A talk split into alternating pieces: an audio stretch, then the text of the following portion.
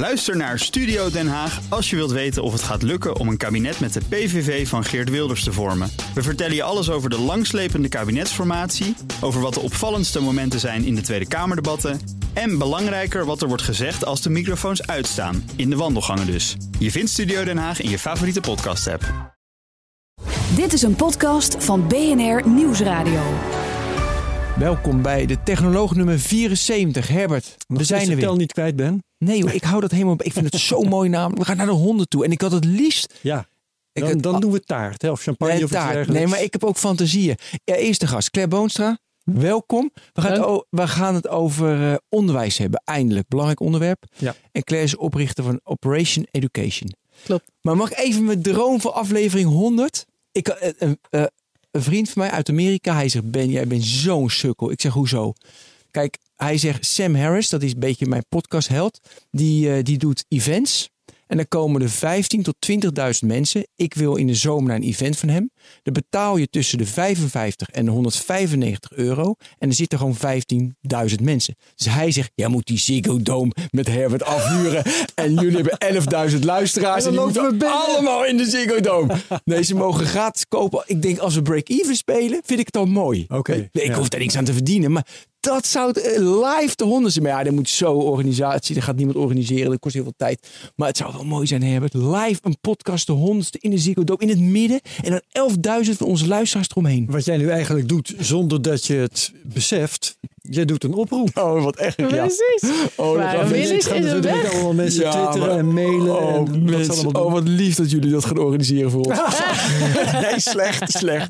Een surprise party voor ons. Ja, oké. Nou, nog 26 afleveringen te gaan. Claire, sorry dat ik je hiermee belast. Nee, want- wat een mooie droom. Nee, want ja, mooi droom. Maar wat ik ook opval bij die podcast, je moet altijd gelijk naar beginnen. Want in iedereen, al die podcasts gaan is zes Ja, dat minuten. geluid heb ik Oh, dat- verboden. Ja, precies. Heel goed, Ja. Herbert. Dus we gaan gelijk beginnen. Eh, wat is het doel van het onderwijs? Zo, wat een vraag, joh, om mee te beginnen. Jullie willen het over technologie hebben in het onderwijs, hè? ja, Ja. vooral in de... Ja, dit is de Precies, technoloog. daarom. Nee, en dan, dan eh, is eerst even een vraag van mij van ja, hè, waarom is het zo belangrijk om het daarover te hebben? Want dan komen we vanzelf bij ja, het doel van je mag en ook richting. best beginnen met wat wil onder even helemaal zonder technologie. Want we hebben een uur. Hè? Dus, Ja, eh, precies. ja, ik weet dat jij haast hebt. Je denkt dat kan allemaal niet. Maar Oh, er jawel. staat een ja, hele mooie video van jou online. Die duurt ook een uur. Precies. Dus het kan wel. Ik raak niet uitgepraat. Ik denk dat het belangrijk is even om, om na te gaan.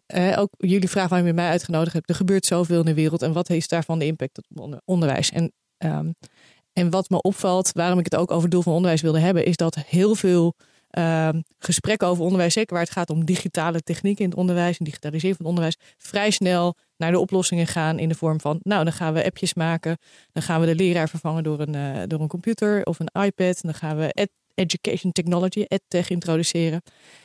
En, ehm, maar dat is niet genoeg. En, en eh, elke keer begint alles bij de vraag: ja, maar voor wie deden we dit ook alweer? En wat was ook alweer de bedoeling? En dat gesprek moeten we eerst hebben voordat we het over al die andere dingen kunnen hebben. Nou, Ja. v- Vertel maar ja, wat is de bedoeling? Ja. Ja, precies. Nou, ma- mag ik een vraag aan jullie? Jullie hebben allebei eh, volwassen kinderen inmiddels. Ja. Wat is het? Wat, wat is het volgens jullie? Wat, op basis van jullie eigen ervaringen? Wat hebben jullie meegemaakt? Wat, wat voel je? Weet je, op basis van je professionele ontwikkeling, je eigen eh, eh, ervaren effect van, van onderwijs op je, je eigen Dan leven, ben het ik leven een van uur je kinderen. bezig hoor. Maar Nou, ik zal het kort probeer-. Ja, Begin maar. Ik heb me kapot geërgerd. maar wat is de bedoeling? Ja, eh, eh, wat de bedoeling is van het onderwijs? Ja, wat is volgens jou de bedoeling Oh, van dat, onderwijs? dat je een, eh, een zelfstandig, zelfbewust, rijk, eh, creatief eh, mens, mens wordt vooral.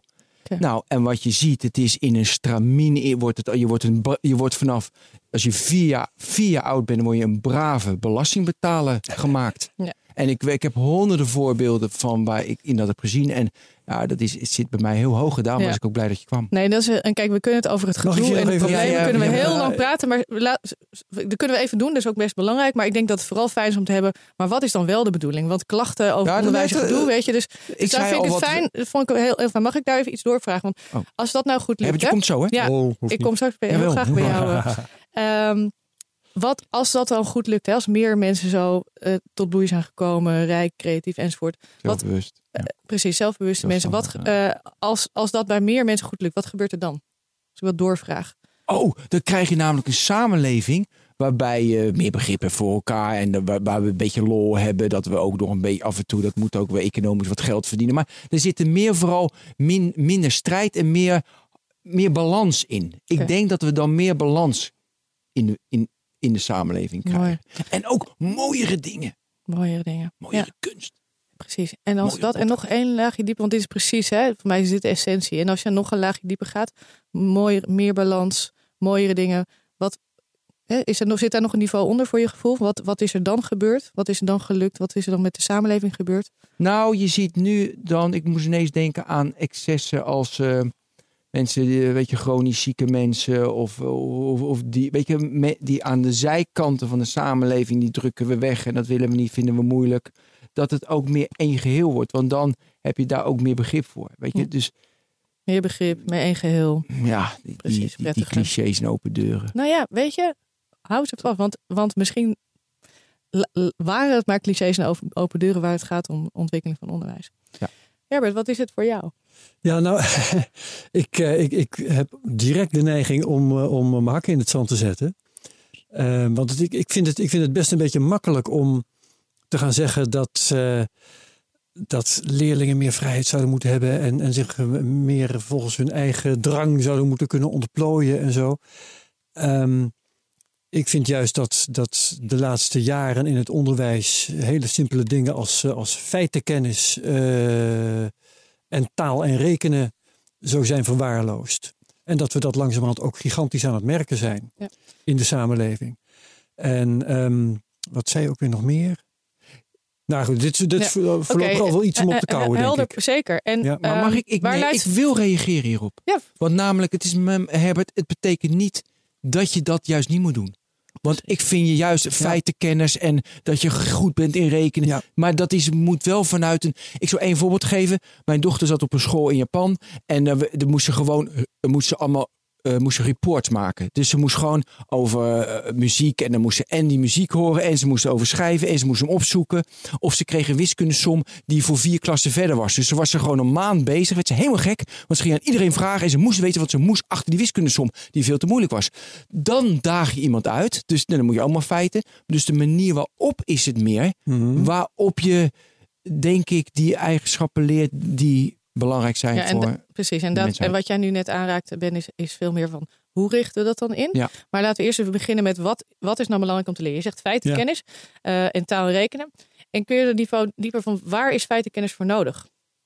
Feitenkennis is bijvoorbeeld nodig als je een, eh, een eh, actueel probleem erbij wilt halen om, eh, om nepnieuws te herkennen. Om net nieuws Hè? te herkennen. Als je, ik heb daar een keer ook op een school heb ik daar eh, een gesprek over gevoerd met een aantal mensen. Ehm, de manier om nepnieuws te herkennen is algemene ontwikkeling hebben.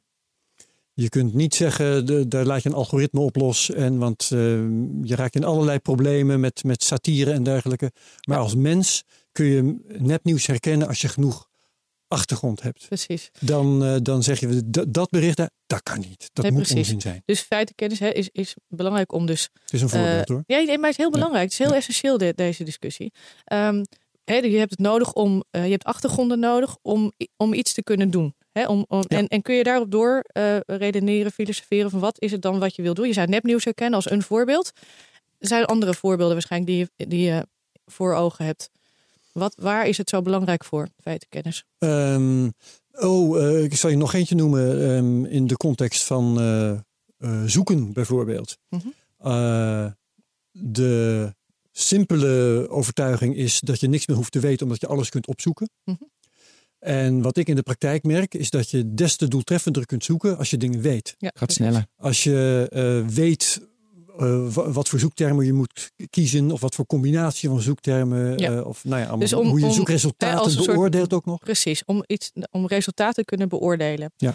En als je dat, eh, als we dat beter kunnen, resultaten beoordelen, wat kunnen we dan, wat, waar, waar leidt dat dan toe? Als we dat beter kunnen, waar, waar gaat dat dan naartoe? Wat, wat gebeurt er dan? Eh, Op niveau van nou, individu, In samenleving. dit, in dit geval, nou, dat is misschien niet wat je bedoelt, maar eh, sneller weten wat je wilt weten in ieder geval. Sneller weten wat je wilt weten. Ja. Waarom is dat belangrijk?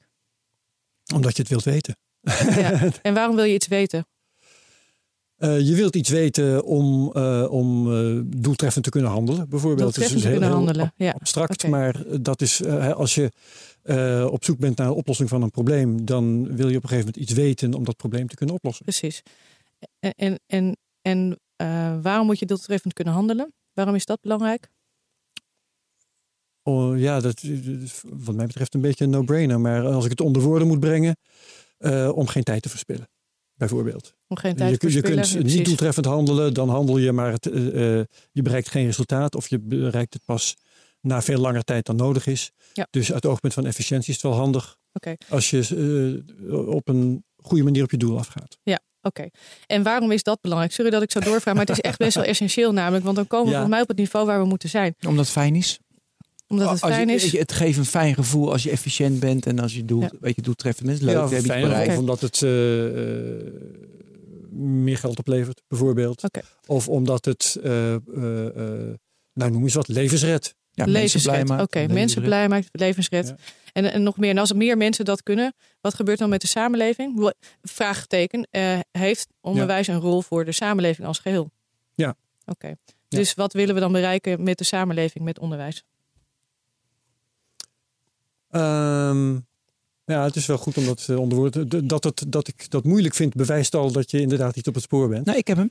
Ja? Ja, omdat je anders de middeleeuwen krijgt. Dus je ziet al in, eh, zeg maar, als, als vrouwen geen onderwijs, nemen ze meer kinderen, heb je meer, heb je meer eh, ab- abuse. eh, eh, Mishandeling. ja, je, hebt, je hebt mishandeling. Eh, je krijgt een, een rechteloze staat. Je wordt, het is minder veilig. Het is allemaal waarom onderwijs belangrijk is. Ja. Die, meer balans, weet je wel. dus wat ik net Ja, dus zei. als we dat dan positief maken, waar willen we dan naartoe? Dan willen we een, een, Een- een, een veilige veiligere- Ja. samenleving, rechtsstaat, Ja, We willen de Ehm, planeet redden. willen de we willen planeet duurzaamheid, redden. plane- planeet Ja. redden, vredig, dat soort dingen. Ja, dat hoeft ook allemaal niet, maar ja, anders is het zo destructief. Kijk, om, om, even, hè, als we dan toch voorbeelden noemen.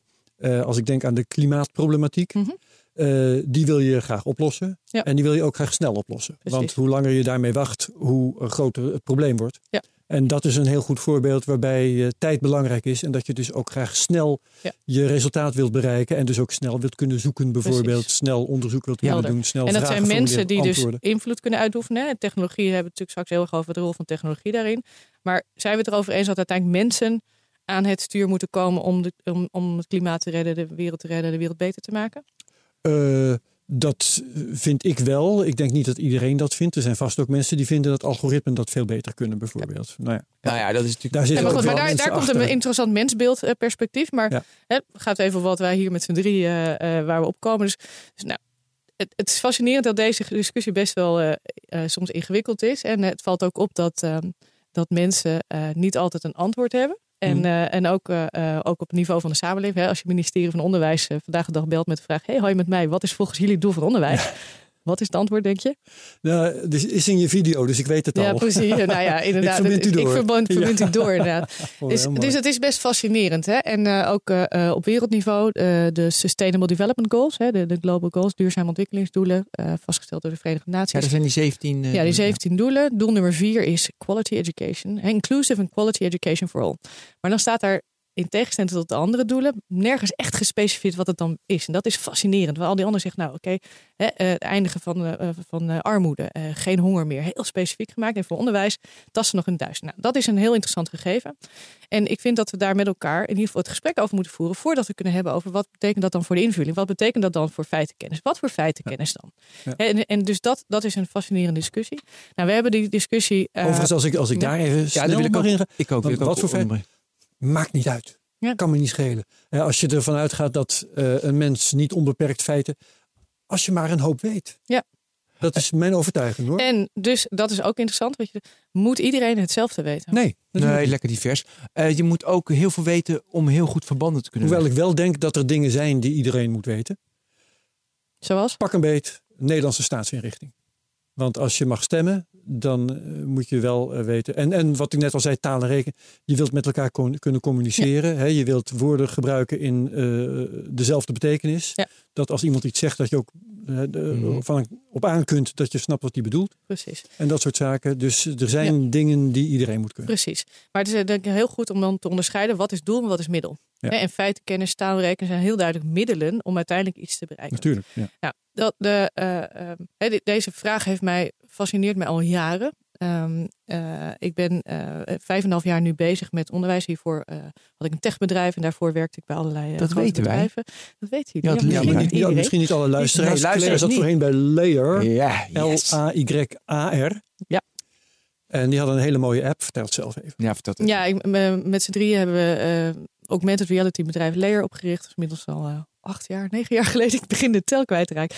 En waren toen wereldmarktleider op het gebied van mobiele augmented reality. En die app die ging eh, de wereld over. Het was een hele fascinerende Toen hield je daar lezing over. Ja, toen wilde ik daar lezing over, Ja. klopt. En vijf en een half jaar geleden voelde ik van, nou, ik heb eigenlijk een, een diepere roeping. En toen ben ik op een TEDx Amsterdam Education eh, podium gaan staan. En op die dag mocht ik toevalligerwijs bekendmaken dat ik eerder die zomer had besloten mijn bedrijf te verlaten. Toen zei ik, ja, ik moet dit doen. I have to do this. En eh, help mij. En toen, eh, nou, letterlijk duizenden reacties gehad. Het was een eh, emotionele En daar is vanzelf die operation Daaruit, ja, precies. hè? Er zijn duizenden mensen en daaruit is, het ontstaan. Dus deze vraag heeft ons eigenlijk al jaren bezig gehouden. We hebben er eh, echt tienduizenden gesprekken over gevoerd. We hebben een film over gemaakt met de titel Wat is het doel van onderwijs? Die is onderwijsfilm van het jaar geworden.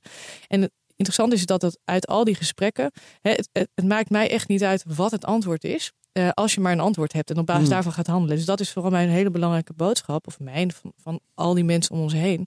Ehm, heb in ieder geval antwoorden, ga daar naar handelen. En bijna ieder antwoord is goed. Maar wat wel fascineert is dat er uit de, al die antwoorden... en echt onafhankelijk van achtergrond, van niveau tussen aanhalingstekens... van cultuur, ehm, blijken mensen op een heel fundamenteel niveau... behoorlijk met elkaar eens te zijn over een heleboel dingen. En dat vond ik interessant. Uh, Mhm. Want wellicht kan dat behulpzaam zijn in het verder brengen van, van een beweging in het onderwijsveld. En waar mensen eigenlijk uiteindelijk op uitkomen, uh, is, is dat er een soort drieledig doel is van onderwijs. En het eerste uh, doel is eigenlijk in de basis toch wel kunnen zijn en mogen worden wie je bent. En dat betekent Ja. eigenlijk hè, dat ieders unieke potentieel ontwikkeld of ontketend kan worden. En dat is toch, en sommige mensen zeggen, ja, jeetje, me zweverig.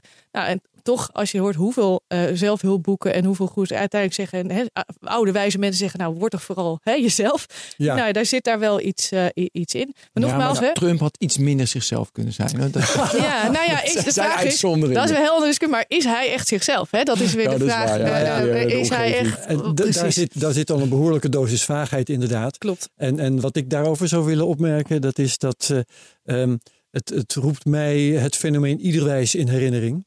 En uh, dat is een beetje erg veel jezelf zijn misschien. Dus uh, de, de, het, zou, het zou wel wat nader omschreven mogen worden. Ja, dat is absoluut waar. Ja. En, en uh, iedereen moet ook zijn eigen betekenis aangeven. Ja. Maar, maar goed, dus één. dit is, dus is één. Twee, ja. samen het leven leren of samen leren leven. We hebben het net ook over gehad. Want uiteindelijk hebben we het hier met, het, met elkaar te doen op deze planeet en in deze samenleving en in deze stad, dit dorp. Dit, hè? We hebben het met ja. elkaar te doen. En uh, hoe, hoe doe je dat? En ook het leven leren. Waar, wat, wat is nou belangrijk om echt, echt life skills, zeg maar. En derde, um, en daar kwam het ook indirect op, um, eigenaarschap kunnen nemen. Over je eigen leven en over de samenleving waarnaar we streven. En waar streven we dan naar? Nou, woorden als vredig, gelukkig, gezonde, duurzame, ja. recht, rechtvaardige samenleving. En, en dit zijn wel de woorden waarvan ze, ja, moet je op je eigen niveau betekenis aan geven. Maar hier voelen wel heel veel mensen van ja, hier zit wel iets gemeenschappelijks. Dit kunnen ja, we eigenlijk wel Maar ik heb wel een vraag aan jou. Tot nu toe heb jij ons zitten interviewen. Ja. Um, en dat zijn allemaal dingen die belangrijk zijn om te leren. Ja. Maar wat wel heel belangrijk is om je af te vragen, denk ik dan, is: uh, moet je die uh, per se leren van de school? Of op een andere manier? Vraag. Want uh, ja. het is de laatste tijd ook usance dat ouders vinden dat de school de opvoeding er meteen ook maar bij ja. moet doen. Uh, terwijl dat volgens mij niet de taak van de school. Er zijn ook dingen die. Hè, en als het dan gaat om het leven leren Mhm. en een paar andere dingen die je noemt, dan is het misschien niet in alle gevallen nodig dat de school dat doet, maar zouden de ouders dat eigenlijk moeten ja. doen? Alleen de vraag is, wat als de ouders dat niet kunnen? Ja.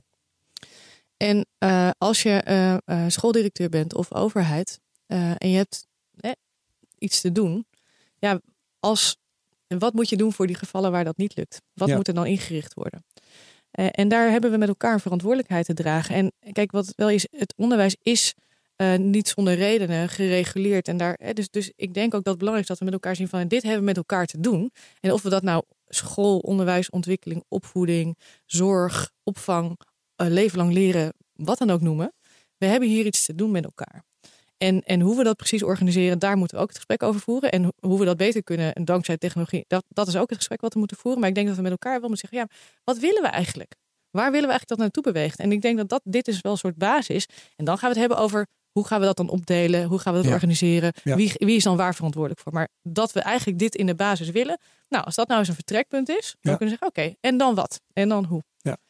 Nou ja, eh, als je dat vertrek, vertrekpunt dan hebt, dan ehm, moet je je vervolgens afvragen, denk ik, of het onderwijs dat niet toevallig al doet. Hè? Met andere woorden, of er een probleem is. Ja. Is dat er?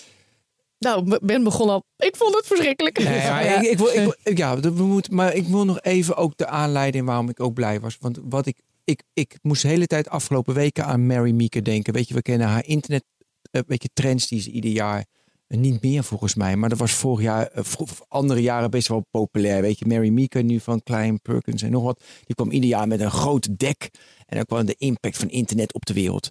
En jaren geleden, ik denk vijf en een half jaar geleden, had zij in het dek de impact van internet digitaal is op de consumer 90%. Iedereen zit met een smartphone. Ja. Zit op bedrijfsleven op 60%. Iedereen weet zich. En dan was in haar betoog het onderwijs en de, eh, en de gezondheidszorg. Nou, die gaan er echt aankomen. De komende jaren gaat het impact op het onderwijs en de gezondheidszorg gaat groot worden. Ik, hou, ik hou nu gezondheidszorg even weg. Maar het onderwijs is precies vijf en een half jaar geleden. Maar weet ik, kan, ook- kan ook zes zijn. Maar als ik zie, en vanmorgen weer, dit is niet actueel, want dat wordt natuurlijk laat uitgezonden. Iedere dag de discussies in de, eh, weet je, in, de, eh, in de krant of waar dan ook op tv. Ga, gaat weer over een eh, uurtje erbij, een uurtje eraf. Wat is de doelstelling? Er wordt maar gepraat. Ja. Al zolang ik in de digitale wereld er wordt en er gebeurt niks. Dus ik heb nu weer, je hebt vijf en een half jaar gedaan over die drieledige doelstelling. Top. maar ik had liever gehad die doelstelling in één grote design sessie van twee weken. Dan hadden we hem gehad. En uitvoeren leren we van. En door. Ja. Want het duurt zo lang. Ja, klopt. Ja, en dan heb je gewoon te maken met eh, eh, wie er op dit moment aan de knoppen zit en wat je te doen hebt. Kijk, in het bedrijfsleven kun je zeggen, joh, we lanceren gewoon een start-up en dan, dan eten we de rest op. Super simpel, bij wijze van spreken. Eigenlijk, dus ik, ik Ja. hè, Ja, in de je- kan je gewoon gedaan. zo doen. Heb ik Ja. gedaan. Start-up en we gaan het gewoon allemaal en we eten de rest op. Toch weer de world domination. Ja, alleen waar het gaat om onderwijs. Weet je, eh, het, het is gewoon een andere materie. Je kunt niet gewoon zeggen, jongens, we gooien alles overboord en beginnen compleet opnieuw. Dat is wel eens een paar keer geprobeerd. Maurice, Ja, de iPad school. Nou ja, weet je, ja, maar ook hij. eh, eh, kijk, en dan moet je natuurlijk ook goed kijken wat gebeurde er echt en wat werd er in de media van gemaakt. Ieder wijst net hetzelfde verhaal. Daar kunnen we hele verhandelingen over hebben. Ja. Ehm, maar je, je hebt gewoon wel te maken met iets wat heel erg belangrijk is. En, en, en je hebt te maken met gewoon honderdduizenden mensen letterlijk die in het onderwijs werken. Ja. En die kun je niet zeggen, jongens, jullie zijn ontslagen. We beginnen met een frisse groep. Holla de. Dus, dus je hebt nou eenmaal te dealen met, eh, met de realiteit. En daarmee en, en, en daardoor en moet, je, moet je verandering gaan te- teweeg Maar daardoor geloof je het niet meer, snap je? Daardoor wordt de geloofwaardigheid van het onderwijs dat het nog iets wordt, ja, maar weet is je, en gewoon dan, voorbij. Nou ja, weet je dat, ik zie echt iets heel anders en ik snap het. En, en, en zeker als er frustraties de kop opsteken, omdat je zelf of kinderen of wat dan ook. Maar ehm, nou, dan kun je ontzettend hier valt veel over te zeggen. Wat, wat ik in ieder geval merk, hè, ik ben nu vijf en een half jaar bezig. Er is een gigantische onderstroom aan ontwikkelingen gaande, eh, maar die nog in de onderstroom zit. En fantastische scholen, fantastische leerkrachten, fantastische concepten, eh, die gewoon bezig zijn en, en, en ja, elkaar steeds meer vinden en, en groeiende zijn. Alleen in de massamedia en ook op sociale media is dat nog niet zo zichtbaar. Nou, heeft ook allemaal redenen, kunnen we ook heel lang over hebben. Maar ehm, ja, weet je, en ik zit daar natuurlijk gewoon dagelijks in. En ik word echt, uh, tuurlijk frustreert het af en toe, want het is een langdurig proces, omdat je te maken hebt met, met ontwikkelingen gewoon in mensen. Um, maar, maar er gebeurt onwijs veel. En, en ik ben dus heel erg optimistisch over de ontwikkelingen die gaande zijn. En dus ik zou vooral niet wanhopen. Uh, want uh, kijk, één kant heb je ook, uh, de wal keert een beetje het schip. Hè? een gigantisch lerarentekort is eraan aan het komen. Ja. opstand onder leerkrachten die zeggen: jongens, ik ben er echt klaar mee om zo behandeld te worden. En die werkdruk en enzovoort. Dus en, en nou, er komt gewoon van alles aan, waardoor op een gegeven moment kun je niet langer zo doen zoals je het hebt gedaan. Dus je moet andere oplossingen gaan zoeken. Nou, hè, never waste a good crisis, zeggen natuurlijk allerlei. Dus maar dat is één ding. Het grote probleem maar, is natuurlijk wel om het eens te worden over wat er dan wel moet gebeuren. Ja, en, dat, en daar is dan weer de vraag: is dat per se nodig? Hè? Um, uh, want op een gegeven moment is het ook een beetje eh, van alles een beetje wat. En, en kijk, het is wel handig om te voelen van oké, dit willen we dus niet meer. We willen niet meer top-down. We willen niet meer eh, dat leraren zich eh, eh, eh, een beetje het, het eh, het nulletje van de, hè, dat, dat je niet meer durft te zeggen op een feestje dat je leerkracht bent. Ik bedoel, hoe erg is dat? Het is gewoon aller, Ja, ja, ja, allerbelangrijkste beroep ter wereld. Punt. Hmm. En we hebben daar wat mee te doen. Eh, maar het betekent ook gewoon, de eigenaarschap moet gewoon weer op de juiste plek. Er zijn allerlei dingen te zeggen. Ehm, maar wat, wat, kijk, er zijn allerlei manieren om onderwijsinnovatie te implementeren. Je kunt gewoon zeggen, jongens, we pakken een bestaande school en gaan die heel rustig aan innoveren. En dat is een manier. Je kunt ook zeggen, we pakken een compleet nieuw concept. Eh, en we gaan het gewoon doen. En anderzijds zeggen we, nou, we gaan school op een heel andere manier eh, definiëren. Alles is op dit moment gaande. En ik wil wel een paar eh, voorbeelden uitlichten van scholen waarvan ik denk, ja, hier Ja. wil ik mijn kinderen op hebben.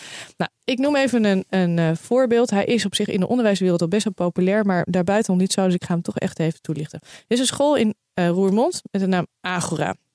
Agora is een middelbare school. En dit is een, een, een nieuwe school binnen een bestaande school eh, die Nikkei heet. Nou, als je het gebouw van Nikkei binnenloopt, N-I-E-K-E-E, dan waan je als in een kunstwerk. Eén explosie van kleuren, grote klimmuur. En je voelt een soort energie van, ah, wauw. Het is niet zo'n traditioneel schoolgebouw. En Agora is, eh, dus die school Nikkei is- staat in een, eh, een voormalige krachtwijk, hè, Vogelaarwijk. Is in, de bij, in de basis een VMBO-school met 52 verschillende nationaliteiten. Die hadden al eh 40% van de verplichte lessen al geschrapt. En waren nog steeds, scoorden ze heel hoog in de traditionele eh, criteria De taal rekenen enzovoort. Nou, Maar ze zijn nog een stap verder gegaan met de introductie van Agora een paar jaar geleden. En Agora is een middelbare school waarbij het vo- het volledig verschil tussen VMBO, HAVO, VWO totaal is weggevallen. Die leerlingen zitten allemaal bij elkaar en er zijn geen verplichte vakken. Er is geen verplicht curriculum, er is niks verplicht. En wat die leerlingen, ehm, eh, die leren volledig vanuit intrinsieke motivatie. Vanuit, oké, ik leg mezelf en we, we- leg mezelf een aantal challenges op, uitdagingen. En met elkaar gaan we die oplossen. En ze worden uitstekend begeleid natuurlijk door allerlei eh, begeleiders, experts, coaches, hoe ze ook noemen. Ehm, het fascinerende is, is dat die leerlingen, ehm, nou die geven ook zelf aan, je moet eigenlijk zouden we hier die leerling hier moeten hebben. Ik heb hem ook eh, in, de, in een andere Ja. uitzending ook wel eens gehad. Maar die leerlingen kunnen zo haarscherp uitleggen waarom dit, dit werkt. Ik zeg van joh, ik, eh, zeker leerlingen van het traditionele onderwijs kwamen en zeiden, ja, daar had ik altijd huiswerk. En ik zat gewoon zo mijn huiswerk te maken hè, met gebogen schouders. En ik zeg, nu ben ik dag en nacht ongeveer met mijn schoolwerk bezig. Maar ik vind het gaaf en ik vind het fascinerend. En ik, eh, ze, ze, ze, ze zijn, eh, eh, alles beklijft veel meer. Wat ook fascinerend is, dat zij die school helemaal midden in de community zetten. Dus ze hebben één keer in de zes weken hebben ze een communityavond. En dat is eigenlijk een grote ouderavond. En op die ouderavond presenteren de kinderen, de leerlingen, hun challenges aan de ouders. En dan zegt ze, joh, ik doe een challenge op het gebied van ehm, eh, eh, eh, het smelten van de ijskappen. Is hier iemand misschien expert op dat gebied? Of iets met persoonlijke ontwikkeling? Zijn hier coaches in de zaal? En er zijn er altijd wel. Want er zijn natuurlijk fantastisch veel ouders die hele interessante dingen doen. En die ook nog eens graag op zo'n manier willen helpen. Anders dan dat ze moeten luizen, pluizen of taxi rijden. En wat er dus gebeurt, die leerlingen die zeggen ook van ja, ik kom dus straks van school met een gigantisch netwerk achter mij van mensen maar, hè, met wie ik de wereld instap, of wie ik altijd een beroep kan doen, die ik gewoon ken en wie ik. Hè. En, en nou, het fascinerende is, die leerlingen, als je gewoon, gewoon ziet, dan zie je, ja, dit is goed. Die staan zo aan, die zijn zo bewust van hun ontwikkeling, van waar ze tegenaan lopen, hoe ze op, hoe je problemen aanpakt, waar de wereld over gaat, waar behoefte aan is. En, nou, weet je, en dat is natuurlijk fascinerend. En Ja. die school heeft wel gezegd van wij gaan eh, wel gewoon voor het eindexamen, dat is helemaal verplicht. Dus dit jaar, een heel belangrijk jaar voor ze. Ehm, hè, komende maand zijn de eerste lichting eh, de eindexamenkandidaten. En eh, ja, dat is natuurlijk. eh, hè, Dan Ze is moeten het spannend of bewijzen. ze eigenlijk wel die dingen hebben geleerd die Precies. nu zeg maar overhoord gaan worden. Ja, die overhoord gaan worden in het traditionele eh, eh, systeem. Maar iedereen die op die school zit en ook die ouders en ook de mensen die kinderen kennen, die zeggen ja, weet je, ze Makkie. zijn al geslaagd. Nou, makkie, omdat de, thema, de manier waarop getoetst wordt niet per se. eh, eh, Strook met. Ja. Nee, precies, strook met echte leven. Dus daar is het fascinerend. En aan de andere kant ook een hele goede test van jongens, waar staan we? Hè, hebben we geen hiaten? Dus zo zien ze het ook echt als een heel interessant feedback instrument. Het is super spannend, want elke school mag, mag falen En zij natuurlijk niet, want iedereen kijkt ernaar. Maar eh, ze laten de wetenschap meelopen. Ze vragen continu iedereen van geef ons feedback. Dus een school die midden in de samenleving staat. En dit zijn gewoon voorbeelden van scholen. Als je het hebt over digitale technologie. Ja, dat staat natuurlijk buiten kijf dat die gebruikt wordt. Ja. Op allerlei manieren. Maar het is niet het uitgangspunt. Het uitgangspunt is, joh, wat is onze, onze plek in de samenleving? Ja, en als Ja. ik, nou ja, het is natuurlijk een voorbeeld tegelijk kopiëren naar alle scholen. Hartstikke mooi. Aan Maar- de- maar Nee, je bent Ja, veel te enthousiast. Weet Nee, ja, maar wacht, want ik zal zo maar zeggen. Nu heb ik een zoon en die zit daar niet in. Ja, dat is niet zomaar. Stel je voor. Huh? En die wil technische natuurkunde gaan doen. Of wat had ik van de week iemand? Nee, technische bedrijfskunde was het. En die moest gewoon een test doen voor, om aangenomen te worden. Tegenwoordig is het natuurlijk helemaal vol zijn die technische universiteiten. Om, eh, om, en er is gewoon een ranglijst. Ik wist dat ook niet tegenwoordig. Dan heb je een ranglijst of je wordt aangenomen of niet.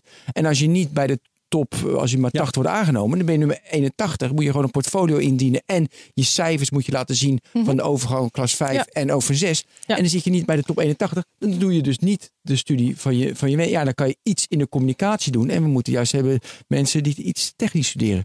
Ja, kijk, we komen natuurlijk nu wat dat betreft enorm in de tussenfase terecht. Kijk, laten we niet vergeten dat de grote bedrijven, vooral de CEO's van de grote bedrijven, hè, ik, ik loop af en toe in Davos rond, hè, bij World Economic Forum afgelopen, vorig jaar weer geweest, niet dit jaar. En daar zeggen ze allemaal, we hebben zo'n ander slag mensen nodig. En we weten uit rapporten dat de voorspellende waarde van GPA-testscores, de, de, de internationale CITO's en de, en de eindexamens, dat die zo weinig zeggen over toekomstig succes. Alleen, ja, de recruitmentafdelingen, die kijken natuurlijk nog steeds wel naar wat zijn de diploma's enzovoort. Dus we, we moeten daar natuurlijk nog doorheen breken.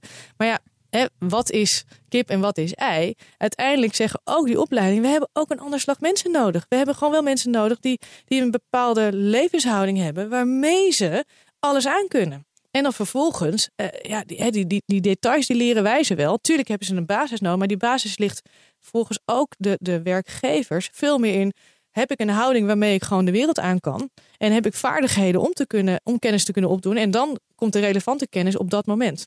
Dus het is een omkering van eh, eerst kennis, dan vaardigheden, dan levenshouding. Hè, ze zeggen eigenlijk eerst levenshouding, dan vaardigheden, dan kennis. En dat is natuurlijk ook een fascinerende transitie, waar we nu gewoon met z'n allen eh, aan staan. En, en, en kijk, nogmaals, een agora is een, eh, een vrij extreem voorbeeld. En, en eh, agora krijgt nu eh, wat navolging. Er gaan komend jaar vier agora's op andere plekken in Nederland starten. En er zijn heel veel. Kijk, agora krijgt naar continu buslading met mensen die van hen willen leren. Alleen, eh, je zegt dan concept kopiëren. Ehm, Nou ja, ik denk nu ook aan de Montessori school. Dat was ook ineens populair. Of Ja. ieder wijs was ook ineens populair. Of de Dalton, weet, weet ik wel, die dingetjes. Ja. ja, Maar- iPad school. Ja, per school. Daar leren we van dat je niet zomaar een concept kunt kopiëren. Ja. Zo werkt het niet. Een school bestaat uit mensen die de school zijn. En ieder mens zit daar met een bepaalde ook levenshouding en, en met een bepaalde identiteit. En uiteindelijk maken die mensen de school. En een concept kopiëren, ja, dat is inmiddels wel bewezen, dat werkt dus niet. Ja. de- en, en daarmee zijn denk ik ook, dat is een van de redenen waarom, waarom de iPad-scholen eh, hè, dat niet zo makkelijk is gegaan, of in ieder geval eh, een, een bepaalde wending hebben genomen. Je kunt gewoon niet een concept uitrollen waar het gaat om een school. Ja. Het begint altijd bij, oké, wat voor manier sta ik hier? En als je zegt, oké, die drie doelen van onderwijs, dat is waar we streven, dan moet je ze ook zelf kunnen uitdragen of voorleven, zo je wilt. Ja. Als leerkrachten, als leidinggevende, als schooldirecteur, als bestuur. En daar Mhm. Wordt het natuurlijk heel erg interessant. En daar, daar knelt de schoen op dit moment.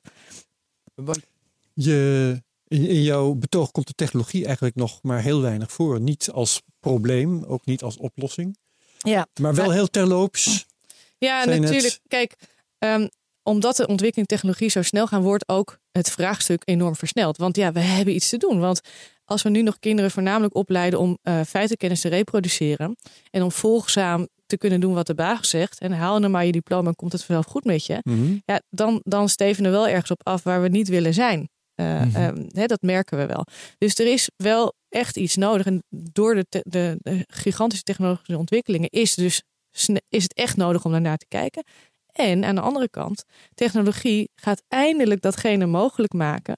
wat al zo, zo lang werd voorzien door allerlei onderwijsdenkers. Hè. Een Comenius 400 jaar geleden, Maria Montessori 100 plus jaar geleden. En die zagen eigenlijk voor ieder leerling een individueel leerpad. Ja, dat kan niet in een tijdperk waarin je het onderwijs efficiënt moet organiseren en gewoon niet het geld hebt om iedereen een één op één leraar te geven. En dan is nog steeds de vraag: kan één leraar je al die kennis aangeven? Nee, natuurlijk niet. Uh, en kijk, in, in het. Um, nou ja, eigenlijk het tijdperk sinds, het uh, sinds de industriële revolutie hebben we een model geadopteerd wat eruit ziet als een, hè, dat harkje, het, het organigram. Maar dat is eigenlijk ook de telefoonboom.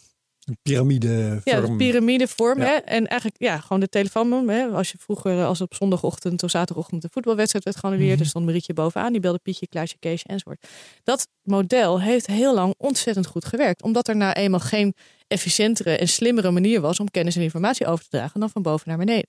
Maar inmiddels leven we natuurlijk een tijdperk waarin kennis, informatie, data hè, letterlijk met de snelheid van het licht reist. Dus kan het ook anders worden ingericht. En dat zie je dus bij, bij scholen die dat oppakken en leeromgevingen. Die zeggen, hey, wacht even, iedereen heeft zo zijn eigen uh, ja, streven, eigen uitdaging, eigen uh, motivaties, eigen interesses, eigen persoonlijkheden, eigen pad. En dat kunnen we mogelijk maken door super slim gebruik te maken van technologie. En ja. inclusief uh, uh, big data. En dat is natuurlijk altijd weer heel eng, want oh, privacy. Helemaal mee eens. Dat gesprek moeten we voeren. Alleen uh, je kunt zoveel meer zichtbaar maken. Kijk, nu hadden we nog tot, tot voor kort hadden we echt centrale toetsing nodig om iets zinvols te kunnen zeggen over het niveau van een leerling. Mm -hmm.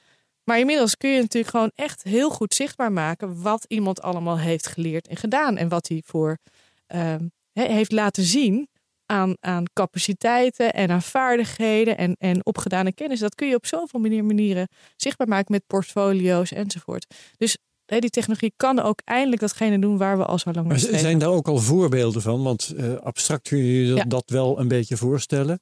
Maar um, als, als, als iedereen met een ander uh, pakket dingen komt die die heeft ja. gedaan, het is allemaal onvergelijkbaar. Ja.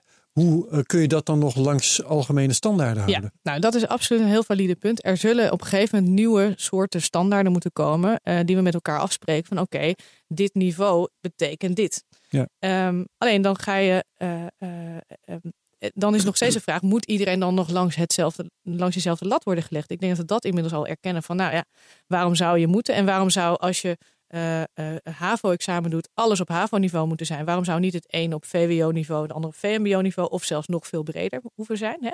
Want je hebt gewoon je eigen unieke profiel. En voor datgene wat je wil bereiken, hoef je niet per se alles op hetzelfde niveau te halen.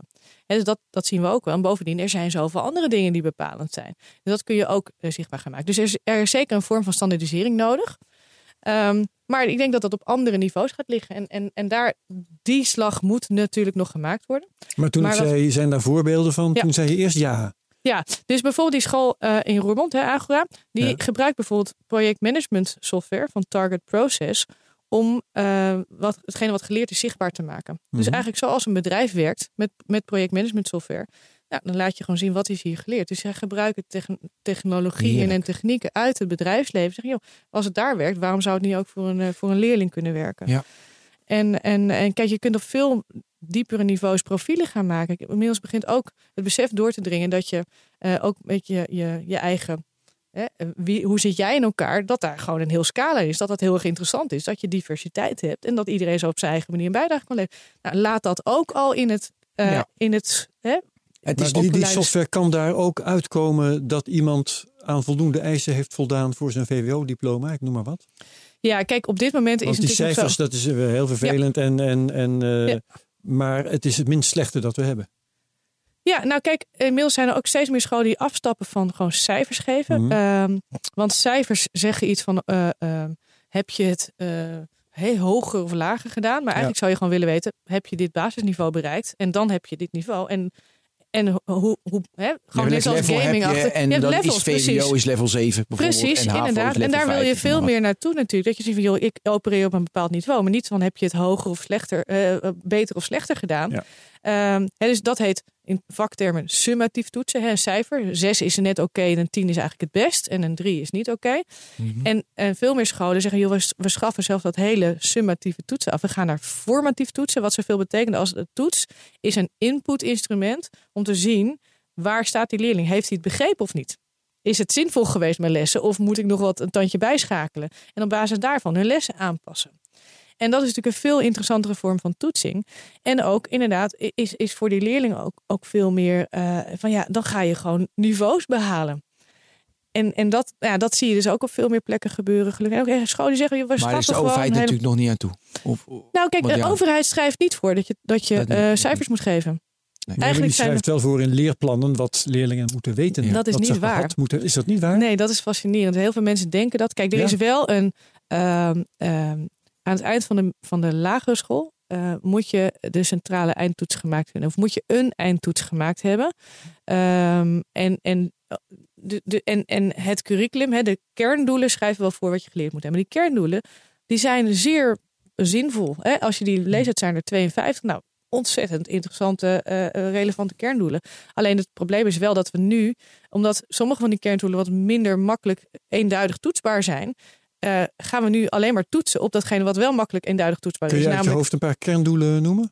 oh jeetje, dat zijn hele wel eh, af te vragen. brede omschrijvingen, maar het gaat echt over begrip van de wereld, begrip over een Staatsinrichting. mens, eh, staat. en de- Echt, het gaat heel breed. Ja. En ook waar taal en rekening gaat, gaat het echt over in kunnen zetten van taal. Maar wat we toetsen is, kun je, de- kun je een, een, een lidwoord van een meewerkt voorwerp onderscheiden. En doe je dat op de manier zoals het toetst, dat dat, eh, dat, dat makkelijk kan eh, onderscheiden. Ja. Hè, en dan zijn het puur referentieniveaus taal en rekening. Dus eigenlijk van die 52 kerndoelen toetsen we er eigenlijk maar 10 of 11. En, en, nou, en daar wringt dus de schoen. En daar, daar zegt steeds mijn school, jongens, daar gaan wij vanaf. Dat gaan we gewoon veel be- beter doen.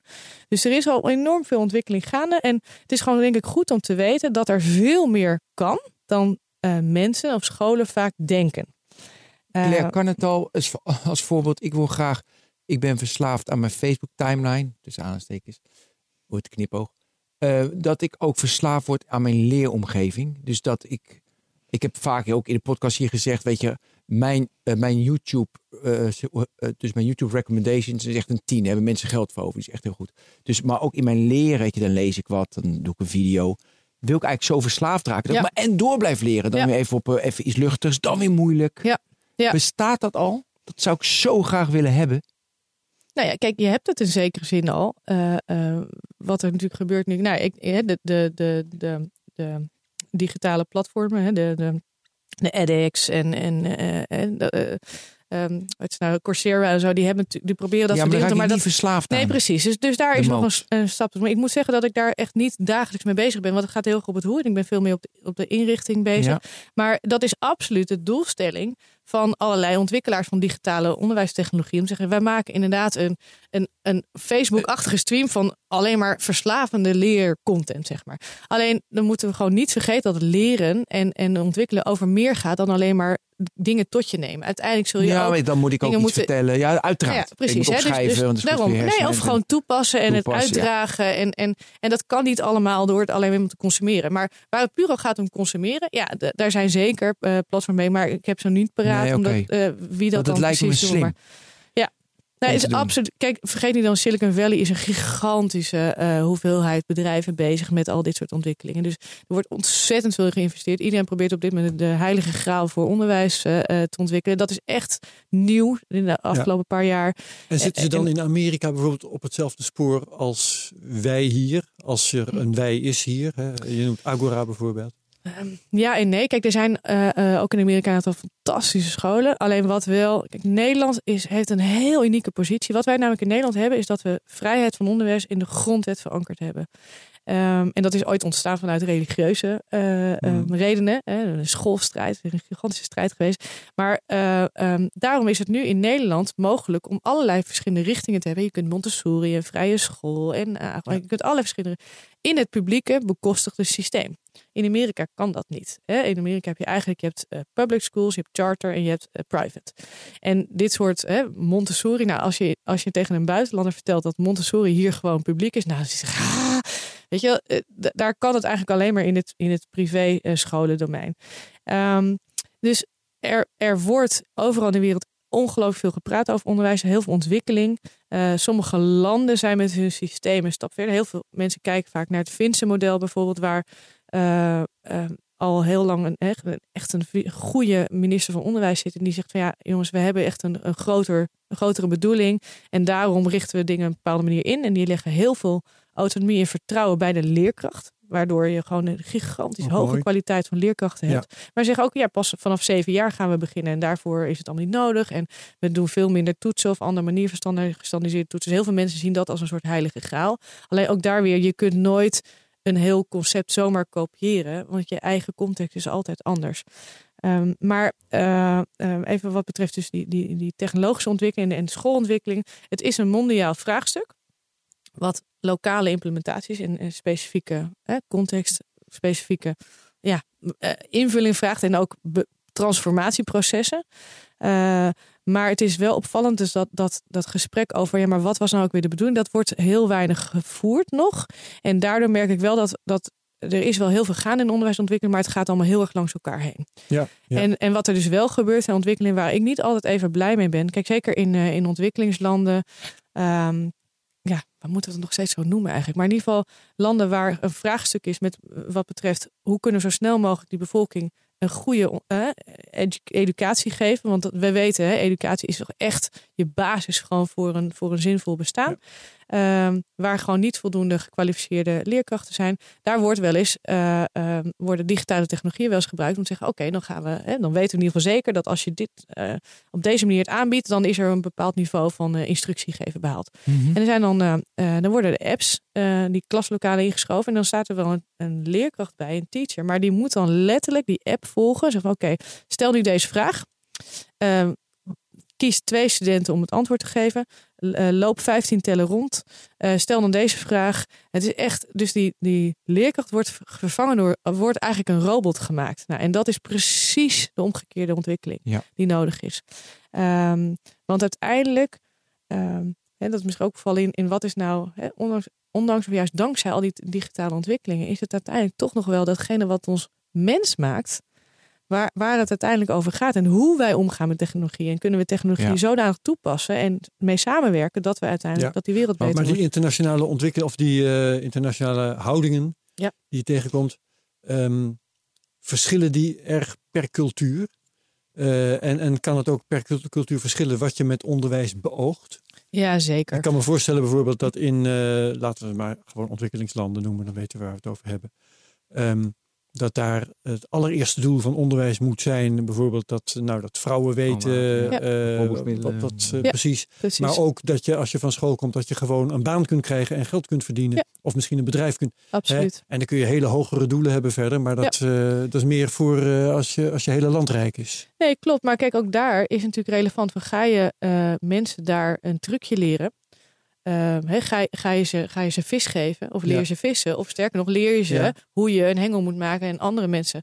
Hè, dus, Ja. dus welk niveau steek je het in? Ook juist daar. Want kijk, wat, wat ook zelfs in de Nederlandse context wel gebeurt, is dat eh, ehm, kinderen uit zo- zogenoemde kansarme omgevingen, die krijgen dan nu een administratieve opleiding. Of een accountantsopleiding. Ja, en dan, dan belast je ze dubbel. Want uiteindelijk binnen no time zijn die, zijn die banen niet meer nodig. Dus heb je ze dan een goede opleiding gegeven? En, en hebben ze van, ja, maar als je dat nou maar haalt, dan komt het goed met je. Kom op. Terwijl, hè, dus dat, dat, dat gesprek moeten we blijven voeren. Eh, ehm, maar er is zeker, er is een soort basisbehoefte voor deze mensen in, in ontwikkelingslanden. En dat ze inderdaad gewoon in, in, in, in ieder geval een zinvolle. De kost eh, kunnen verdienen. ja, zinvol, precies. Maar, maar wat je ook natuurlijk cultureel ziet, is dat natuurlijk de, de wat vroeger ontwikkelingslanden, het tweede wereld, eh, eh, China, eh, de Aziatische landen, die zo ontzettend hard. En daar is gewoon vol ingezet of een kennis, kennis, kennis erin houden. Maar daar zijn natuurlijk, ja, daar zijn scholen verworden tot fabrieken. En die leerlingen tot, tot bijna fabrieksarbeiders die gewoon echt niet anders doen dan in de schoolbanken zitten en ook geen leven meer hebben. En, en dat, nou ja, dat, daar, zie je, daar zie je ook wel dat, dat de, de, zeker in landen bijvoorbeeld als China met één kind politiek, dat kind moet slagen. Eh, en die druk op die kinderen wordt zo hoog dat, Ja, ze maar dat dat- ze wat ik kan wel die link maken naar, dan, eh, dan naar Nederland. Want ik heb een collega die heeft een zoon van vier. En die moest ook gewoon zijn CITO-toets doen. En dan, blijft het iets achter op, Ja. eh, op rekenen of taal. En dan is het toch alarm. En dan moeten ze toch extra spelletjes doen met rekenen en taal. vier jaar. Ja. En dan zeggen wij van nee, je moet volledig mens. Wat was het allemaal? Ja. En, maar, dus dat wordt hier natuurlijk, ik noemde net met, met technische bedrijfskunde. Want ja, je ziet, dat systeem is nog wel zo. En ik- jij bent natuurlijk heel positief, want je ziet die scholen. Ja. Ik vind juist dat de leerlingen op de twaalfde, weet je naar welke school je gaat. Je wordt Ja. helemaal, Ja. je wordt wel die robot gemaakt. Ik zie dat juist meer die Nee, maar dat, trend in eh, Nederland. Dat, dat, dat zie ik ook. En daarom doe ik ook wat ik doe. Want het is niet oké. En, en, Oh, dat is eh, een missie, ja. En ik, wil, ik wil ook iets vragen over MOOCs. Want ik vind juist mooi in India en zo, en ook in Kenia zie je die... Als je bijvoorbeeld een MOOC doet, Stanford, eh, ik noem maar wat, computer science. weet iedere luisteraar wat hem ook is? Ja, Nee, ik Oké. net vragen. eh, de, Ik De kan niet. Massive Online Open Course. ja, dus dan kan je zeg maar, Oh, eh, ja, ja, ja, zeg maar ja. cursus volgen zeg maar, zeg maar, op Stanford. En er zitten gewoon 8000 mensen uit India halen dat. Ja. Hè? Ja, dat is fantastisch. De- dus dat vind ik ook Ja, wel. Dus dat die intrinsieke democratiseert- motivatie om het ook te doen. Absoluut. En dat, kijk, laat gewoon duidelijk zijn dat het mogelijkheden van technologie maken zoveel. Nou. Weet je, die, het is het democratiseert. Het is zo'n gigantische nemen. Gewoon alleen het feit, weet je, ik, ik vind TEDx ook al zo'n zo'n basisplatform. Weet je, gewoon het feit dat, dat iemand een waanzinnig verhaal vertelt. En het kan letterlijk miljoenen keren bekeken worden. Ja, wat een, een ah, weet je, het is, het is, het is zo'n. Het is zo'n Ja, paradigmaverschuiving voor alles wat, wat De- kennisoverdracht is. En, dat is dus interessant. Dus de toegang tot kennis, Ja. de toegang tot muziek, de Ja. toegang tot, eh, wat hebben we het allemaal gehad? Alle in de technologie, alle Ja. toegang Ja. tot alles. Dat neemt Ja. natuurlijk toe, want Ja. door de digitalisering is het heel makkelijk.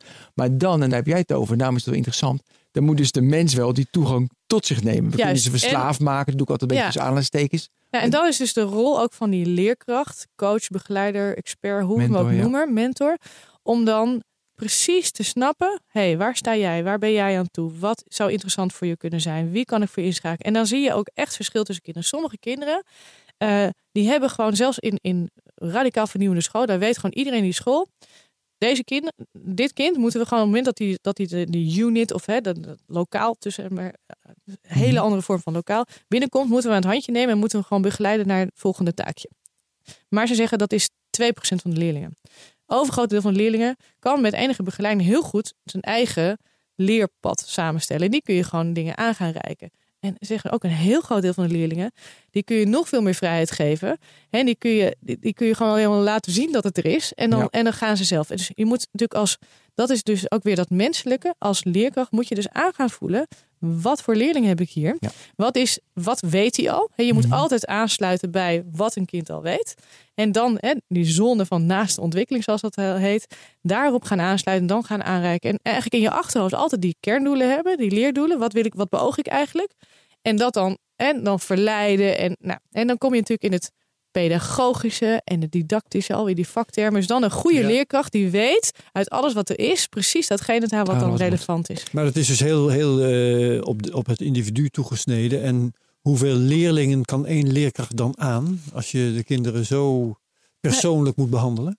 Nou kijk, ehm, je hoeft natuurlijk niet de hele dag, die ene leerling, de hele dag te begeleiden. Nee, ik, weet- ik vraag Dus- het ook dus- maar gewoon omdat ik het niet weet. Ik ben Nee, benieuwd precies. hoe dat Nou, kijk, zit. Misschien is het wel veel efficiënter. Als je één, precies, dat is het interessant. Dus, dus eh, eh, scholen die het heel erg anders doen, die hebben eh, de eenheid al enorm vergroot. Dus de eenheid is nu in traditionele scholen één klas met 30 leerlingen in een klaslokaal. Dat is de eenheid. Dus Ja. die ene klas moet je dan proberen binnen die buren van dat klaslokaal iets, iets te doen. Nou, dat personaliseren is ongelooflijk ingewikkeld. Hè, dat, dat gaat gewoon fysiek al niet. Dat, dat, één, één iemand kan het niet doen. Scholen die het anders doen, een beetje middenmoot bijvoorbeeld, die, die, die een aantal stappen verder zijn, die hebben bijvoorbeeld units van 130 kinderen. Met allemaal hoekjes, een beetje een soort open ruimte met hoekjes. En je, je hebt een, een taalhoek en een rekenhoek en een, en een eh, eh, ontdekhoek en een experimenteerhoek en een artistieke hoek. En, en die kinderen die be- bewegen door die ruimte. En het fascinerende is als je daar dan denk je, zijn die 130 kinderen? Waar zijn ze? Weet je, het voelt op geen enkele manier druk. Ehm, ze zijn allemaal heel geconcentreerd bezig met datgene wat ze te doen hebben. Maar ze hebben dus heel veel sturing over hun proces. En nog steeds lukt het heel erg goed om alles te leren wat ze moeten leren. Sterker nog, omdat meerdere mensen, eh, hè, volwassenen, leerkrachten voor die unit verantwoordelijk zijn, zijn die leerkrachten continu met elkaar in verbinding. En als er een vraagstuk is, dan gaan ze echt met elkaar even overleggen van, joh, hoe, hoe zullen we dat aanpakken, Pietje? Want eh, ik, ik, ik weet even niet. En dan zie je dat meer, eh, twee weten meer dan één of drie. En sommige van die scholen, bijvoorbeeld een eh, school als Mondomein in, eh, in Helmond of de Wittering in, in Rosmalen. Dat zijn scholen die zo werken. En dan zeggen ze echt letterlijk, we evalueren elke dag alle kinderen. Dus we zijn gewoon heel erg bezig. En alleen, En ze hebben het anders georganiseerd. ook niet meer zo te Nee, precies. Dus, dus, en dat is eigenlijk wel het hele, eh, de, beweging. Dat we eigenlijk van een opdeling in stukjes eh, bewegen naar een, een, een organisatie die veel meer gaat over ja, heelheid Ja. als ecosysteem. En, En- en dus dat weghalen. Begeleidt dan ook één leraar eh, zes jaar lang dezelfde leerling? Kan ik me voorstellen. Nou, Dat is een andere manier om wel. misschien efficiëntiewinst te boeken. Als ik dat Ja, toch maar even zo Nou, dan mag heb je doorlopende leerlijnen, Want zoals dat al dan heet. hoef je niet elk Ja. jaar weer nieuwe leerlingen Precies. te leren. Ja, en kijk, het fijne is ook, er wordt ook gekeken van ja, past, past deze leerling bij deze mentor? Ja, dan- want nou, het ja, kan dan als je geen match hebt, ja, dat kan. Nou, weet je, en dan, Absoluut, dan ja. pak je een ander.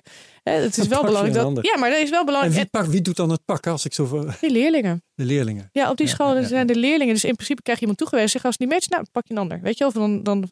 Dus die leerlingen zijn daar weer, weer in, eh, in, eh, ja, In in, in, charge. in charge. Ja, Nederlands iedere, Aan de knoppen. weet je, iedere tijdsgevricht heeft weer andere, verlangt van mensen andere skills. Ja. Eh, Logisch. Dus deze, dit tijdsgevricht verlangt over andere skills. En dat zijn dus heel veel menselijke skills. Dat heb je me duidelijk gemaakt. De flexibiliteit. Kun je, nog meer skills noemen die nu in de digitale tijd en voor de komende 10, 20 jaar, wat jij denkt van die hebben we nog niet genoemd en die zijn belangrijk? Ja, kijk, mensen hebben het vaak over technologische skills. Maar het zijn natuurlijk vooral gewoon capaciteiten die je staat stellen om aan te passen aan, eh, de, Aanpassen, aan de realiteit. Ja.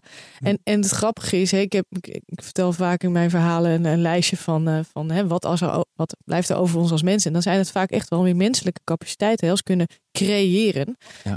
Eh, eh, ehm, ja, een ehm, eh, identiteit eh, Mhm. ontwikkelen, eh, eh, empathie hebben, hè, op je intuïtie kunnen bouwen, eh, samenwerken, flexibel zijn. Dat zijn allemaal eh, skills die nu nodig zijn. En sommige mensen herkennen dat, hè, ze zeggen dan, oh, dat zijn 21st century skills. Maar ja, het zijn eigenlijk net zo goed vierde eeuw voor Christus skills. Hè. En dat ik er zijn, mooi over. Ja, ja. Heb ik er mooi over. Eh, zeg maar, een van mijn helden is Horace Dedju. Eh, van, van Simco.com moeten mensen, maar, eh, moeten mensen maar opzoeken. Die vertelde over zijn oma. Die komt uit 1910.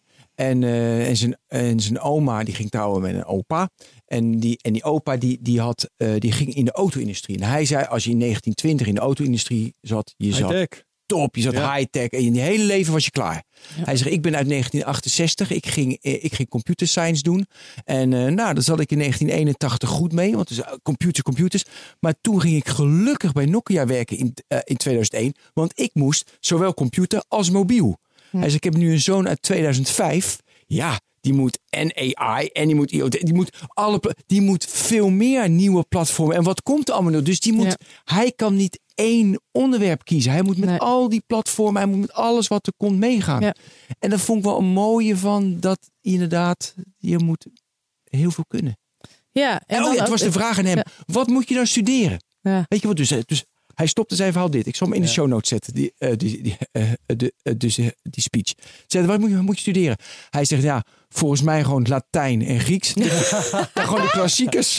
Want Waarom daar, dan? Waarom, waarom Latijn en Grieks dan? nou, omdat je dan de klassieke verhalen, dat je snapt hoe de wereld in elkaar zit. En dat je dan weet wa- Ja. wa- wa- wat, wat, wat dan de gevolgen zijn als je iets doet. Gewoon mooi. de klassiekers.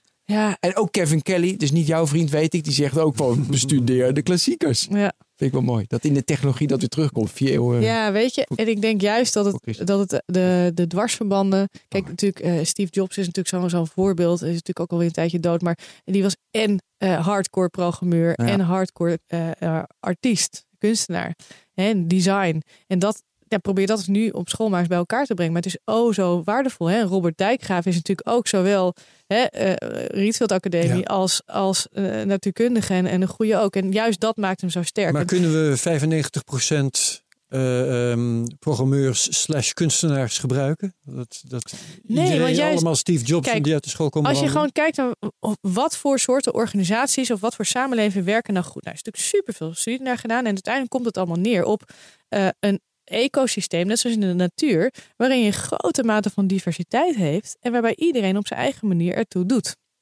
En alles staat met elkaar in verbinding. En we hebben dus ook al die, die niche, die hele gekke idioten nodig, vakidioot, die ergens echt briljant in zijn Mhm. geworden. Die hebben we allemaal nodig om, nou ja, de problemen en de vraagstukken en, en eh, datgene waar we naar streven, om dat in te gaan vullen. Dus er is denk ik niet echt goed iets te zeggen over wat zou je dan het algemene zin moeten leren. Anders dan, ja, weet toch vooral heel goed eh, wat jouw eigen ding is, zeg maar. Ja. En, en, en ga dat vooral op allerlei manieren uit. Want uiteindelijk, eh, een, een betere wereld begint toch echt bij gewoon gelukkige mensen. Hè, die elkaar niet, niet de behoefte hebben om elkaar de hersens in te slaan. Of eh baas te spelen over een ander. Of oorlogje te gaan spelen. Hè, dus daar, daar begint echt heel veel bij. Ja, en van daaruit, ja, blijf vooral je sensoren open houden naar wat er op dit moment relevant is en wat belangrijk is. Ja. En, en hou jezelf daarin staande. En hou elkaar daarin. is wel eh, voor hoge opgeleiden wel iets makkelijker. Ben je die timmerman, dan moet je gewoon die timmerman zijn. Dan moet je verschrikkelijk goed kunnen timmeren. Ja, en, en ik vraag me echt af, ik, ik, ik krijg dat op een of andere manier vaak te horen. En ik denk Is juist, er toch iets van waar? nou ja, weet je, dat vraag ik me dus heel erg af. En juist eh, mensen die in het speciaal onderwijs werken, of met VMBO'ers of praktijkonderwijs, MBO zelfs, zeggen ja, weet je, uiteindelijk eh ertoe doen is natuurlijk voor elk niveau relevant. Ja, precies. Maar En- dat is over die timmerman. Want die doet het toe, want hij maakt mooie dingen. Precies, maar, maar dat, dat, dat zien als lager of eh, kijk, Nee, zo'n timmerman. Nee, maar ik heb dus echt. Nou, laatst was er een, een loodgieter bij ons aan het werk en hè, ouder huis en en nou echt wat onwaarschijnlijk vakwerken. Wat een kunstenaar dat was. Ik ja, weet je, dat is in mijn in mijn perceptie het, het hogere, de hogere opleiding. Deze meneer, die kon iets. Nou, dat vergt zo verschrikkelijk veel training en zoveel ambacht en zoveel liefde en zoveel vaardigheid. Dat is voor mijn ogen een hogere opleiding. Daar heb je echt heel veel tijd voor nodig om dat niveau te bereiken. Ja. En, en eh, eh, dus ik denk dat we ook op een, op een compleet andere manier moeten gaan kijken naar hoog-laag. Eh, Marianne Zwageman had daar onlangs ook wel een mooi filmpje over. We moeten niet meer over hogere en lage opgeleide praten, maar over praktisch en theoretisch opgeleide. Ja, ik zou er nog een stap verder willen gaan. Zo, iedereen op zijn eigen manier heeft gewoon iets bij te dragen. Er zijn zo verschrikkelijk veel manieren waarop je een waardevolle bijdrage kan leveren. En dat in te delen in een hoge-laag indeling of beter, slechter, ja, dat is gewoon zo niet meer van deze tijd. Juist als die technologie zo'n zo'n rol Ik speelt. heb nog wel een, eh, nog één Laatste vraag, Ja, ja. laatste vraag. Ehm, want eh, dit klinkt allemaal heel mooi en bevlogen. En ehm eh, jongelui moeten dan eh, eh, hun eigen drang volgen en, en eh, doen wat ze, wat ze zelf belangrijk vinden, wat ze zelf willen leren. En ga, ga zo maar door. Ehm, wat is de waarde van, want dat, dat eh, merk ik ook wel eens dat eh, jonge mensen van nu, ik ben, ik, ik ben het is nu echt opa verteld, hè. Ehm, die vinden van alles en nog wat niet nodig. Boeien, weet je wel, eh, dat ga ik niet lezen, dat ga ik niet doen. Eh, wat is de waarde van dingen doen omdat ze moeten? Ja, het blijft Discipline. een goede. Ja, en dan waarom moet het en van wie moet het? Ja. En moet het echt nu? En Ja. waar, ja, waarom moet het? En wat is de waarde ook van iets opleggen van ja, je, je, en ik hoor ook wel vaak van ja, eh, soms moet je nou eenmaal leren dat het leven niet leuk is. Nou, wa- waarom zouden we dat accepteren? Ja, Eh, nou, ik nou ja, dat- omdat de zooi ook wel eens gewoon opgeruimd moet worden. Nee, maar dat, daar, daar ben ik het volledig mee eens. Natuurlijk, we hebben met elkaar iets te doen en we hebben gewoon verantwoordelijkheid te dragen. Ja. Maar dan is de vraag, maar, je, haal dan maar het diploma, geloof me, hè, haal dat diploma, komt vanzelf goed met je. Ja, en dat, dat, dat vind ik dat we dat niet meer kunnen beloven. En zeggen, ja, werk is nou eenmaal niet leuk. Nou, weet je, en de vraag is, waarom is dat zo? Is dat natuurlijk, maar wie legt dan het niet leuke op? Is dat iets waar je zegt, maar oké, ik ga ergens doorheen, omdat ik echt het gevoel heb dat er iets moet gebeuren, omdat ik eigenaarschap neem, verantwoordelijkheid draag en daardoor ga ik ook door het niet leuke heen? Of vertellen we hele generaties van, joh, doe nou maar gewoon dat werk in de fabriek. Eh, Dat vind ik echt, dat Nee, is een mensbeeldvraag. nu gaat de discussie bijna opnieuw, maar ik Ja. wil hem dan toch Ja. noemen. Kijk, ben je lang, lang en je bent een pianist, dan is tien uur studeren op je zesde is niet leuk. Ja. Maar uiteindelijk ben je wel gewoon een hele goede pianist. Ja. Weet je, als je Daar ben je sport- daar inderdaad dankbaar voor. en dan ben je er dankbaar voor dat je ouders of wie dan ook eh, gewoon alles erop want je moet het doen. Sport is hetzelfde. Dus wil je ergens Ja, en dan is de vraag, wie heeft dan bepaald dat lang, lang die pianist moet worden? Is zijn het van- vader? Ja, nou, en dat vind ik, dat, is heeft een mensbeeld. opgezegd. Ze zijn Ja. naar Peking gegaan. Ja, en dat is de mensbeeldvraag van oké, eh, eh, vind je dat dat, dat, dat, dat, dat, we het goed vinden? Maar dat, is- dit is echt een mensbeeldvraag. En Ja. ik vind van nou, laat vooral, hè, laten we Nou. lang, lang eens later in het leven vragen of je daar echt gelukkig Niet mee was. helemaal, hè? Want Nou, hij eh, kan de je- je psychiater Je betalen. kunt je afvragen Ja. wie, wie legt eh, een ander op dat hij iets moet doen. Maar om het van de andere kant aan te vliegen, er is gewoon vervelend werk dat gedaan moet worden. Ja. De asperges moeten gestoken worden, Ja. bijvoorbeeld. Ik noem Ja. maar wat. En dan kun je zeggen dat eh, misschien komt er een keer een robot voor. Mhm. Maar op dit moment moet het gedaan worden. En dan blijken dus Nederlanders zich daar gewoon te goed voor te voelen. Die eh, hebben niet de discipline, hebben niet de, de overtuigingsvermogen zichzelf weg te cijferen. Ik noem maar even een paar eigenschappen. En dat vind ik wel verontrustend. Ja, maar dan is de vraag, oké, dan, dan zijn er geen asperges meer. Of zijn ze gewoon veel Nee, duur? gewoon geen asperges. Ja, Nee, maar goed. echt Maar serieus. dat, dat Ja, is het voorbeeld, ja. ja dus, dus dat, dat begrijp ik. En nogmaals, Het vuilnis moet opgehaald worden. Als dat niet gebeurt, dan kun je niet zeggen dan is er geen vuilnis. Nee, dan is het er juist wel. ja, klopt. En dan, en, en, en dan, dan is het natuurlijk toch ook ik moet weer er ook wat- gewoon stofzuigen thuis. Ja. Ik moet er ook dingen doen. Precies. En dan maak ik het zo leuk mogelijk. Gewoon met een podcast op mijn oren. Maar goed, Ja. ik moet het wel doen. Maar dan nogmaals, ga je dan zelf uitvinden van jongens, dit hoort erbij. Anders dan hè, komen we gewoon niet verder met z'n allen. Hè, en gaan we dat met elkaar bespreken? Of is er iemand die oplegt van jongens, dit moet gewoon gebeuren. En als je nu niet naar me luistert, dan zwaait er wat. Dus ik vind dat, dat vind ik het vraagstuk van waar ligt het eigenaarschap? Waar ligt de verantwoordelijkheid? Eh, ligt dat op de goede plek? En dat is een, een hele vraagstuk hierin, denk Ja. ik, centraal. we gaan stoppen. Oké. Ja. Dankjewel, Claire. Claire Boonsauer. Mooi bevlogen verhaal. Nou, heel mooi. Bedankt. Eh, ze is oprichter van Operation Education. Herbert Blankenstein, bedankt. Ben van den Burg. Ja, Bedankt. tot de volgende technoloog. Yes. Bij BNR ben je altijd als eerste op de hoogte van het laatste nieuws. Luister dagelijks live via internet. Bas van Werven. En heel langzaam komt de zon op rond dit tijdstip. Je krijgt inzicht in de dag die komt op BNR, het Binnenhof in Nederland en de rest van de wereld. De Ochtendspits. Voor de beste start van je werkdag. Blijf scherp en mis niets.